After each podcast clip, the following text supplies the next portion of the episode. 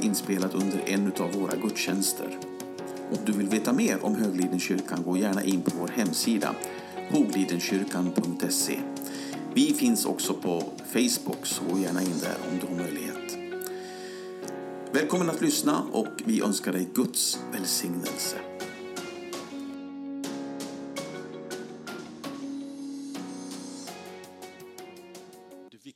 Som Gud har gett oss det är frälsning genom Jesus Kristus. Och därför så är det ett nyckelord det som står i Romarbrevet 10 från vers 9. Eh, För om du med din mun bekänner att Jesus är Herren och i ditt hjärta tror att Gud har uppväckt honom från de döda skall du bli frälst. Med hjärtat tror man och blir rättfärdig. Med munnen bekänner man och blir frälst. Det handlar alltså om att med sin mun uttala den tro som finns i hjärtat. Och den tron behöver inte vara färdigformulerad. Den behöver inte vara komplett. Eh, men det kan vara en, en såld som har såtts in i ditt inre. Eh, och, och Jesus är en verklighet i ditt inre. Och så bekänner du den tron. Och då säger skriften genom Paulus här att du är frälst. Så nu ber vi tillsammans. Herre, tack för att vi kan få läsa det här bibelordet och, och var och en av oss som, som behöver få läsa och också bekänna för att ta emot det som är frälsningens stora gåva, att vi får göra det här och nu. Så jag ber Herre att det hjärta som öppnas för dig just nu, där går du in och där Herre håller du måltid, alltså du har gemenskap och du frälser och du föder på nytt i Jesu namn. Amen. Amen. Så där ska man egentligen börja alla predikningar med inbjudan och verkställande av frälsning därför att frälsningen det är det viktigaste och det är det första och det är det största som Gud har gett oss och sen så kommer flera andra välsignelser. Jag har annonserat, och jag vet inte om du har sett det, eh, att eh, temat för den här gudstjänsten är att Jesus döper i den helige ande och eld. Eh, och, och det är ett, ett, eh, en mening som, som har stöd i skriften. Bibeln berättar för oss att Jesus är den som döper i den helige ande och eld. Eh, och det är så att vi räknar i hundratals miljoner människor i världen idag, i kristenheten, som har tagit emot dopet i den helige ande och eld. Och det är hundratals miljoner människor som också talar i nya tungor, alltså praktiserar tungomålstalandet. Det är flera som har gjort erfarenheten, men det är fortfarande hundratals miljoner människor som identifierar sig också med församlingar och med rörelser som förkunnar det här och som förmedlar andens dop. Vi är en del av pingst i Sverige. Och pingst är per definition en betoning av det Gud gör på första pingstdagen i Apostlagärningarna 2. När han utgjuter anden över allt kött. Och när han uppfyller de som var samlade i den övre salen, 120 stycken, och en, en tung, tungor som av eld lägrar sig över var och en av dem och de får det nya språket, det andliga språket, nämligen tungotalet. Eh, så det är en betoning och det är, det är någonting som vi lever med eh, som pingstfolk världen över. Eh, Det är så att eh, vi pingstkarismatiker, vi har fått en del stryk faktiskt i det teologiska samtalet. Ibland så har vi ansetts vara för pragmatiska. Eh, Alltså vi har inte en distinkt teologi. Eh, som pingstpastor håller jag självklart inte med om det. Jag håller inte med om det. Eh, utan jag tycker att det finns ett tydligt stöd för andens dop och andens liv och andens gåvor i Bibeln, i Nya Testamentet. Men däremot behöver man också slå fast att förkunnelsen om dopet i anden, det är inte exklusivt för pingstkarismatiker. Utan eh, eh, den står, den förkunnelsen och den erfarenheten, den står att finna i stort sett i varje samfund. Ett ex- bra exempel i Sverige det är oasrörelsen. För några år sedan så hade vi två somrar i rad oasmöte här och det är, oasrörelsen är en rörelse inom Svenska kyrkan. Eh, men den är väldigt karismatisk och man betonar bland annat det som vi också betonar, dopet i den helige ande. Eh, så pingstupplevelsen på det sättet, det finns över hela världen. Eh, och den här globala expansionen av den här rörelsen faktiskt demonstrerar det Jesus säger i Apostlagärningarna 1 och vers 5. Apostlagärningarna 1 och vers 5. Där står det så här. Johannes döpte med vatten, men ni ska om några dagar bli döpta i den helige ande. Det är vad Jesus säger. Han fortsätter i vers 8 i samma kapitel, Apostlagärningarna 1. Men när den helige ande kommer över er ska ni få kraft och bli mina vittnen i Jerusalem, i hela Judeen och Samarien och ända till jordens yttersta gräns. Det här är vad Jesus säger. Det här är väldigt tydligt. Det här är inte svårtolkat. Utan det här är väldigt tydligt vad Jesus faktiskt säger om dopet i den helige ande och konsekvenserna av det. Och det finns ett viktigt mönster som jag tycker är viktigt att betona också när det gäller den första pingstdagen, men också om man läser modern kyrkohistoria och, och landar i Los Angeles 1906. 1906, är det modern kyrkohistoria? Ja, det är det. Det är modern kyrkohistoria. Eh, då är vi på, i en gata i ett villaområde eller ett område av bostäder som heter Bonnie Bray Street. Kan inte någon fråga mig, har du varit där Gert-Ove? Jajamän. Jag har varit där. Jag har stått i det huset där man höll till med de här bönemötena. Och så utgjuts anden. Och till slut var det så många som, som fick smaka av den här upplevelsen. Det samlade så mycket folk så att det gick inte att vara kvar i det här huset på Bonnerbray Street. Och då åkte man till Azusa Street där det fanns en lokal. Kan inte någon av er fråga om jag har varit på Azusa Street? Jag har varit på Azusa Street. Och där börjar den väckelse och den rörelse som vi är en del av, den moderna pingstväckelsen, den moderna pingströrelsen. Vad som kännetecknade första pingstdagen i Apostlagärningarna och vad som kännetecknade skeendet på Azusa Street, det var att en omedel konsekvens, omedelbar konsekvens utav andeutgjutelse och andedop, det var mission. Mission. För det kan vi se när vi läser Apostlagärningarna. Apostlagärningarna är egentligen en missionsrapport. Beskriver hur evangeliet spred sig utifrån den här revolutionen på den övre salen i Jerusalem så spreds evangelium över hela den dåtida världen. Samma sak skedde eh, på Azusa Street i, Los Angeles. Omedelbart när Gud började verka, när människor fick ta emot andens dop och man började tala i tungor. Och, och, och, och i rasismens tid så bröts rasismen. The color line was washed away by the blood of Jesus. Alltså eh, man, man, man, placerade de färgade på en sida, de vita på en sida. Men den, den, den gränsen, den suddades ut. Därför att dopet i den heliga ande är också ett kärleksdop. Och så kunde man mötas vare sig man var färgad eller inte. Man möttes. Och man var bröder och systrar på samma villkor. Eh, och så kan man se, man, man kan läsa om hur evangeliet började spridas också i, i, i den tiden.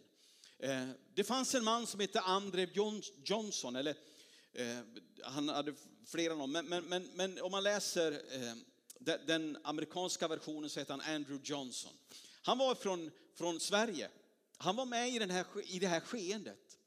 Och på, det här skedde i april 1906. På hösten 1906 så upplever Andrew Johnson, jag måste åka till Sverige med det här. Och så sätts han på en båt och kommer till Sverige på hösten 1906, samma år alltså.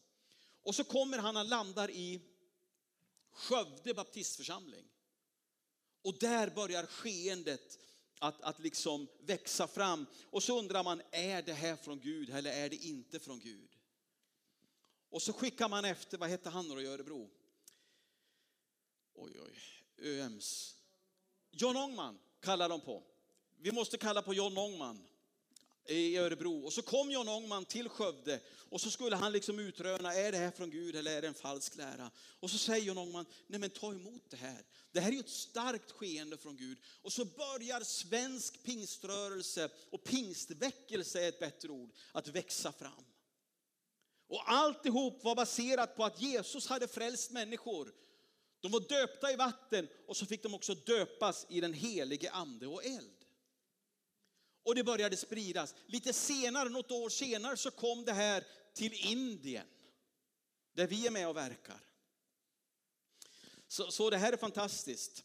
Vi var ju i Indien här bara för någon vecka sedan och, och eh, eh så var vi i en, en, eh, en tv-studio, hela teamet. Och så fick jag, presenterades jag som the founder and the pastor of this church. Alltså jag, ungefär som att jag har planterat den här församlingen. Och då fick jag berätta att den här församlingen bildades för 100 år sedan drygt. Och då levde inte jag. Det kan man nästan tro om man tittar på mig, men det gjorde jag faktiskt inte. Utan då var det någon annan som, som... Och så fick jag berätta den här fantastiskt spännande historien att samma år, 1906, kom det här till Sverige. Och bara något år senare så kom det till Indien. Amen. Så den här globala rörelsen, den växte oerhört starkt och snabbt. Och för mig, och jag tror för oss, så är det här någonting oerhört grundläggande och väsentligt att vi bär med oss. Och så länge jag får nåd att förkunna Guds ord så kommer jag att betona det här med pingsterfarenheten. Andens dop, andens gåvor, andens kraft och andens flöde. Därför att det är helt avgörande nu när vi går in i den yttersta av den yttersta tiden. När hela världen ska höra evangeliet, då behöver vi den heliga ande verkligen. Och en av nycklarna också i alltihop det här, det är att det vi betonar, det är inte en enskild kyrka. Det är inte ett samfund. Det är ingen pastor, utan det vi betonar och det vi måste betona om vi vill leva i pingsten och pingsterfarenheten, det är att vi betonar Jesus Kristus därför att det är han som döper i den heliga ande och eld, inte vi. Det är han som gör det. Så nyckeln till alltihop det här, nyckeln till väckelse, nyckeln till smörjelse, nyckeln till helande, profetia och så vidare, det är att vi lever nära Jesus Kristus. Det är viktigt, det är helt avgörande. Öppenheten behöver finnas. Tron behöver finnas och mottagligheten behöver finnas. Hungern behöver finnas och respekten för anden behöver finnas. Men där det finns, där trivs Gud, den helige ande. Jag hörde en gång en förkunnare säga, eller om jag läste det, jag kommer inte ihåg riktigt, men, men, men jag vet att citatet är korrekt. Det är att när man talar om andens skeende och andens smörjelse och så vidare, så, så, så är det viktigt med några saker. Och den här förkunnaren sa bristen på smörjelse och smörjelse. Det kan beskrivas, det är Guds närvaro genom oss. Om någon av er säger Gert-Ove han är smord, då betyder det inte att jag är duktig. Det betyder inte att jag är bra. Det betyder att Gud verkar genom mig med sin kraft. Om jag säger att Ingela har smörjelse så säger inte jag att Ingela är jättebra. Det är hon, Ingela är superbra. Eller hur Leif? Toppen tjej är det. Men, men det viktiga när man talar om smörjelse det är inte att Ingela är bra utan att Gud verkar genom Ingela. Det är det som är smörjelse. Och vi ställer våra liv till andens, Eh, så anden får tillgänglighet i oss. Och nyckeln då till smörjelsen det är att vi lever nära Jesus. Inte att vi hittar formlerna, inte att vi hittar lösenorden, utan att vi lever nära Jesus. Och så finns det en mognad i det här med smörjelse. Och den här förkunnaren sa att bristen på smörjelse är ibland brist på ordning. Och det här är egentligen en helt egen predikan och kanske till och med ett bibelstudium. Men det finns alltså en ordningar, andens ordningar finns tydligt beskrivna i Bibeln. Till exempel första Korintierbrevet 14 när det gäller det profetiska. Och det är de ordningarna som skärper dig och mig. Att flöda med den helige ande, det är så viktigt. Och det är så spännande. Och då behöver vi förstå att anden, han är en person. Den helige ande är en person. Han är inte en abstrakt kraft. Han är inte begränsad till inspiration eller salighet. Utan anden är en person, han är en gudomlig person. Han är tredje personen i treenigheten, Fadern, Sonen och den helige Ande. Så dopet i den helige Ande, det är en konkret och verklig erfarenhet som har med relation att göra i första hand. Och jag ber Gud om nåd. Eh, ibland så börjar det kittla inom mig och jag känner, åh, det här, nu är det lite flöde på just det här området. Och så kliver jag in i Bibeln och så börjar jag läsa och studera och så kompletterar jag med vad andra har skrivit. Och så händer det någonting igen och så kan man formulera studier, man kan formulera förkunnelse inom vissa områden. Och jag känner när det gäller andens dop att vi har bara skrapat lite på ytan. Det finns djup i det som vi behöver få tag på. Eh, och jag ber Gud om nåd att jag ska få göra djupdykning i det. Jag lovar ingenting. Så skriv inte upp det där. Utan vi får se vad, Herren leder till. Men jag tror att det finns djupheter, det finns verkligheter när vi gräver djupt när det gäller andens erfarenhet eller erfarenheten, mötet med anden. Där finns det djupheter som också avslöjar eller introducerar oss till upplevelser och erfarenheter som, som kommer att stärka Guds rike i vår stad. Amen. Nu går vi snabbt fram. Johannes döparen, han var Eh, Johannes döparens mamma Elisabet och Jesu mor Maria var kusiner. Är jag rätt ute nu? Yes. Så då var Jesus och Johannes döparen tremänningar om man liksom använder vårt begreppsvärld så här. Eh, och Johannes döparen, han vittnar faktiskt om Jesus. Och han, han beskriver Jesus så som den som döper i den heliga ande och eld. För det står i Matteus 3 och 11, där säger Johannes döparen så här, jag döper er i vatten till omvändelse. Men den som kommer efter mig är starkare än jag och jag är inte ens värdig att ta av honom sandalerna. Det var en slavs uppgift. Slavens uppgift bland annat, det var att ta av sandalerna på sin herre. Och så säger Johannes döparen, jag är inte ens värdig att ta av honom sandalerna. Han ska döpa er i den helige ande och eld. I Markus 1 och 8 står det, jag har döpt er med vatten, men han ska döpa er i den helige ande. Lukas 3 och 16 beskriver så här, det här är ju parallellställen då förstår vi. Lukas 3 och 16. Johannes svarade dem allesammans. Så han sa det inte bara ut i luften så här, utan han riktade det här till några människor som stod där, eller kanske var många. Jag döper er med vatten, sa han. Men det kommer en som är starkare än jag och jag är inte ens värdig att lossa remmen på hans sandaler. Han ska döpa er i den heliga ande och eld. Och Johannes 1 och 33. Jag kände honom inte. Det är ett märkligt uttryck, varför säger han så? Men han som sände mig att döpa i vatten sa till mig, den du ser anden komma ner och stanna över, han är den som döper i den heliga ande. Så, så Johannes döparen beskriver och pekar på Jesus som den som döper i den heliga ande och eld. Och alla evangelier i Nya Testamentet lyfter fram det. Eh, och, och, Johannes döparen identifierar också Jesus i jämförelse med sig själv. Eh, och det kan vara viktigt bara att, att ta med sig. För Johannes döparens uppgift det var att bana väg för Jesus. Han var en vägröjare. Han var den högstes profet Som, som Sakarias beskriver i sin lovsång som man läser om i första kapitlet i Lukas. Johannes döparen sa, jag döper med vatten, men han som kommer efter mig, det vill säga Jesus Kristus, han döper i den helige ande. Och det här beskriver samtliga eh, evangelier. Och det här då, när Johannes döper, pekar på Jesus och säger han ska döpa dig i din heliga ande och eld. Det går i fullbordan på första pingstdagen. Apostlagärningarnas andra kapitel. Ni vet att fadern sände sonen. Och fadern och sonen sände anden. Så Jesus döper i den helige ande av en enda orsak. En grundförutsättning. Han är Gud.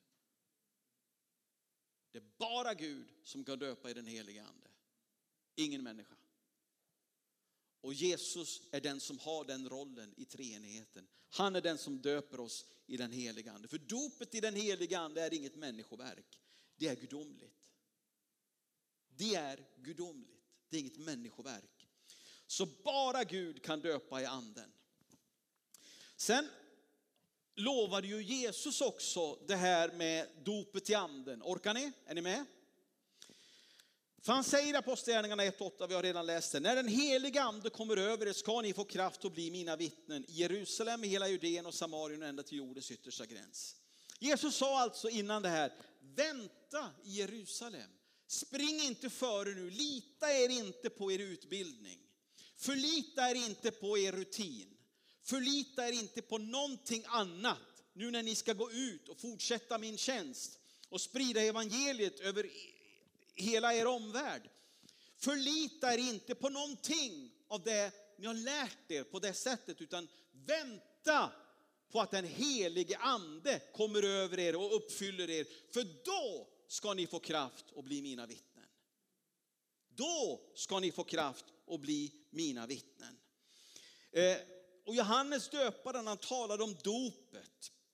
Dop betyder nedsänkning. Det betyder man är helt omsluten och nedsänkt i vatten. Det är dopet. Så du kan lika gärna Eh, formulera, om du frågar är du döpt? Så kan man lika gärna fråga är du doppad? Det gör ju inte vi för att det låter konstigt. Men det, betyder, det vad ordet betyder, är du doppad? Har du doppats ner i vattnet?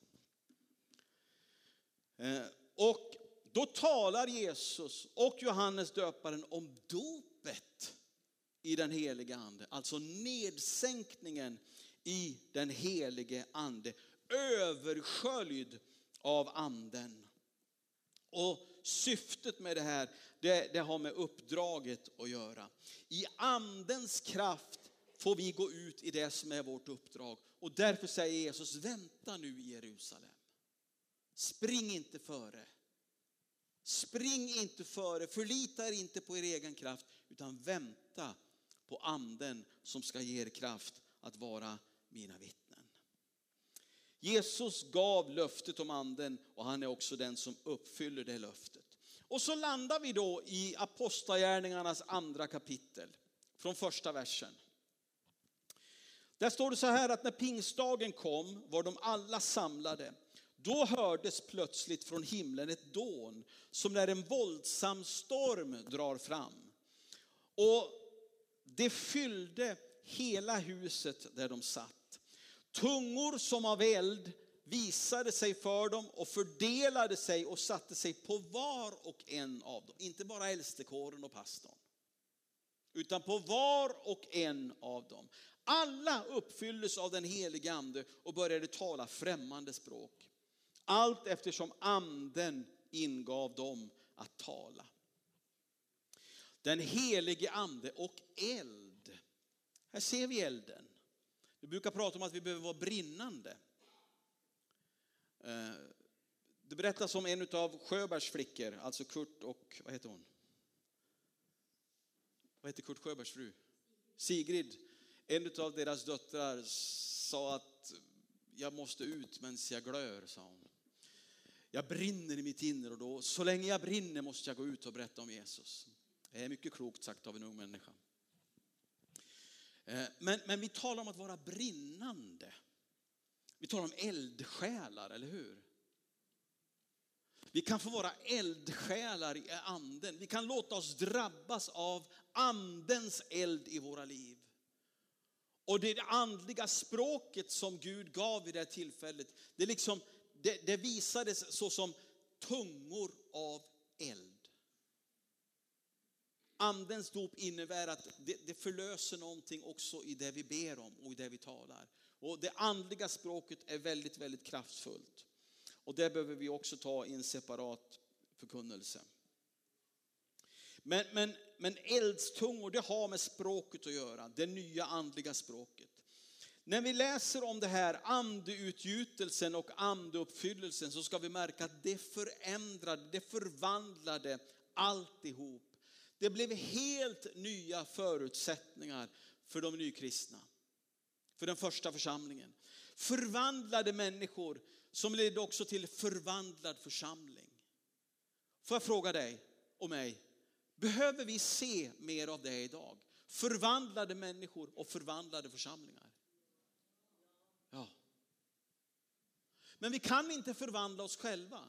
Men vi kan tillåta Gud, den helige ande, att förvandla oss så att, så att förutsättningarna förvandlas och församlingen förvandlas. För det finns en sanning som jag ska avsluta med.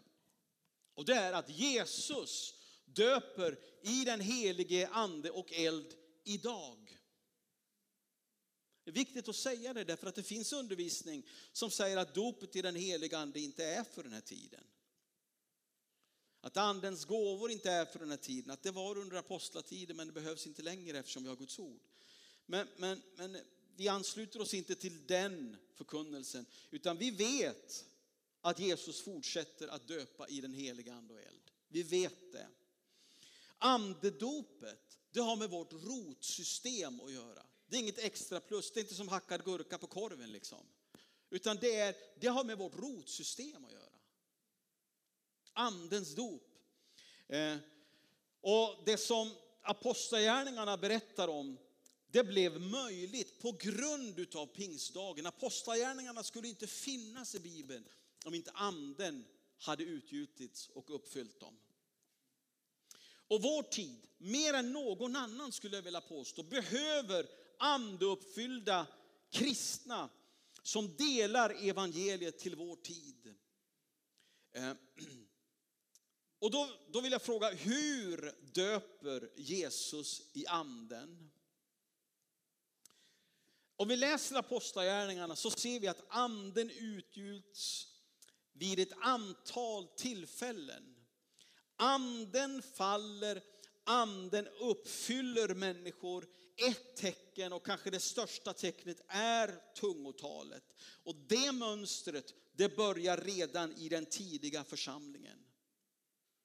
Men hur gör Jesus idag när han döper i den heliga ande och eld? Jag tror en viktig del i det det är att vi förstår att Jesus döper i den helige ande genom församlingen, alltså genom dig och mig. Det är aldrig vi som gör det. Det är han som gör det, men han gör det genom oss. Om vi förkunnar, och det gör vi, eh, att Jesus döper i anden idag, då behöver det också ske i och genom Höglidenkyrkan. Jag landar i den utmaningen. Om vi förkunnar, om vi säger att Jesus döper i den heliga ande och eld idag, så behöver det också ske här. Vi är ju på övre salen. Vi gick ju en trappa upp, eller hur? Så vi är ju på den övre salen. Välkommen helige ande. Blöt upp oss rejält, för det är lite torrt ibland. Eller?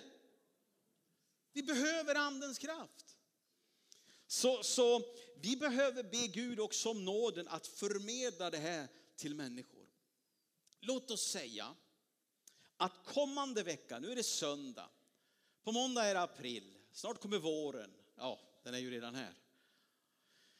Eh, men kommande vecka, den första veckan då i april 2019, då kommer 50 personer att bli frälsta. Ponera det. Det är inte, inte en trosmålsättning, det skulle jag önska att det var. Men, men Men, men ponera det. Vi, vi, vi säger att 50 stycken kommer att bli frälsta kommande vecka. Nu skulle jag önska att vi alla hade speglar och det har man om man har en iPhone i alla fall. Men du behöver inte ta fram den. Men då skulle du behöva ta fram en spegel och titta på dig själv och säga då måste jag bli en andlig mor och en andlig far.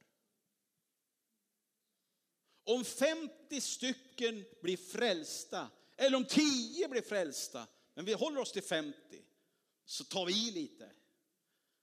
Då kommer jag behövas som andlig mor och far. Du kan inte, du kan inte som en kristen tänka bort dig själv i en uppföljning när människor blir frälsta. Du kan inte göra det. Ja, det får pastorerna göra, det får äldstekåren göra, det får, det får den och den göra. Någon har väl en specifik kallelse till att vara andlig mor och far. Finns inte i Bibeln och finns inte i verkligheten. Har vi tagit emot frälsning, dop och andedop, då är vi en andlig mor och en andlig far. Och när vi fattar det, då är det fullt möjligt att 50 stycken blir frälsta. I ett svep. Om man läser Bibeln, om man läser Apostlagärningarna, så presenteras det inte ett särskilt program för uppföljning. Det finns inte. Jag har letat, men det finns inte. Apostlagärningarna berättar istället om det som är outstanding när det gäller att, att bevara människor i deras nyvunna tro. Vad tror ni att det är? Gemenskap, daglig gemenskap. Det vi kallar för församling, men inte församling som möts bara en, högst två gånger i veckan. Utan församling som finns där hela tiden i en pågående process. De möttes var dag i hemmen, i synagogorna, i templet. Var dag.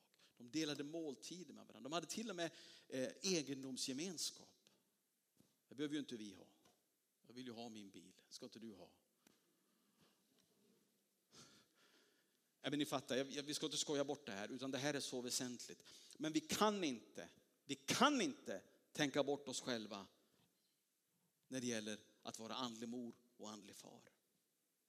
Det som apostlagärningarna presenterar och ger oss nyckeln till att få människor att bevaras, det är gemenskap. 50 personer som tar emot Jesus behöver omedelbar omsorg. Och de behöver gå vidare, de behöver hjälp att gå vidare till dopet. Därför att de behöver begrava den gamla människan. Är det inte så vi undervisar? De behöver begrava den gamla människan och uppstå till nytt liv i Kristus. De behöver i dopgraven bekänna, ja, jag bekänner Jesus Kristus som en Herre och Frälsare och jag vill följa honom in i lärjungaskap. Det är vad dopet är. Och jag begraver den gamla människan. Sen behöver vi ledas vidare in i den här revolutionerande upplevelsen och erfarenheten. Jag tar emot dopet i den helige ande. Jag släpper fram de här konstiga orden som faktiskt är ett kodspråk mellan dig och Gud. Som faktiskt är ett bönespråk. Som faktiskt är att överlåta sitt böneliv till den helige ande. Så han kan be genom dig.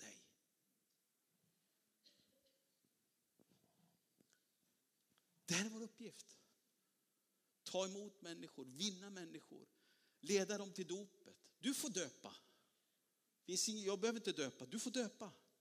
De du har vunnit. Vi har döpt ganska många unga människor i den här församlingen. Men jag har inte döpt många unga människor, men ungdomsledarna har gjort det. Och det är så det ska vara. Så om du kommer med någon, den här personen vill döpas, då frågar jag, vill du döpa?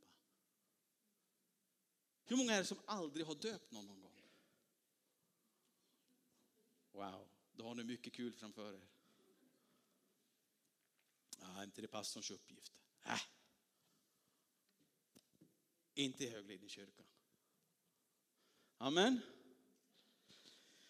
Jesus döper i den helige ande idag och han gör det genom församlingen. Och den smörjelsen behöver finnas här. Det här behöver vara övre salen i Hudiksvall. Vi erkänner de andra församlingarna också, det är inte det jag menar. Men det här behöver få vara en övre sal i Hudiksvall. Där anden utgjuts, där anden uppfyller människor. Hur, hur når vi dit då, ert Ove? Ska vi inte sjunga mer av de sångerna? Ska vi inte göra mer så? Ska vi inte dansa mer? Ska vi inte sitta ner mer? Ska vi inte vara tystare? Ska vi inte vara högljuddare? Ska vi inte prisa Herren mer? Ska vi inte vifta lite mer? Nej, ingenting av det. Du får göra precis vad du vill. Nästan i alla fall. Men vet du nyckeln? Lev nära Jesus. Gör så här. Jesus, ett steg närmare dig. Du är min trygghet. Du är min frälsare. Du var den som döpte mig i den heliga ande och eld. Dig vill jag älska. Dig vill jag gå med. Dig vill jag leva med. Jesus, inte långt bort utan nära dig. Lev med Jesus. Läs din bibel. Därför att Bibeln berättar vad Jesus säger till dig. Umgås med honom. Därför att det umgänget, det är ditt rätta element. Och på så sätt kan vi vinna människor. Det är inte traktaten som är nyckeln. Det är inte heller ens alltid ditt vittnesbörd, utan det är att du lever nära Jesus. För när du kliver in i rummet, då, då, då har du en väldoft av Jesu närvaro med dig. Så kan vi vinna människor, vi kan hjälpa dem fram till vattendopet. Vi kan hjälpa dem fram till dopet i den heliga ande. Men förutsättningen är, vi behöver bli ett Jesusfolk. Det är Jesus det handlar om. Inte samfundet. Inte troheten till samfundet, inte identifikationen i en speciell kyrka. Identifikationen med Jesus Kristus, vår Herre och vår Frälsare. Vi ber tillsammans. Herre, tack för din närvaro i vår gudstjänst. Herre, tiden har gått, men vi känner nu att du behöver stilla vårt inre. Stilla vårt inre så att vi kan ha ro och bara låta dig göra det du vill göra i Jesu namn. Tack för att du döper i den heliga ande och eld och du gör det idag. I Jesu namn. Amen.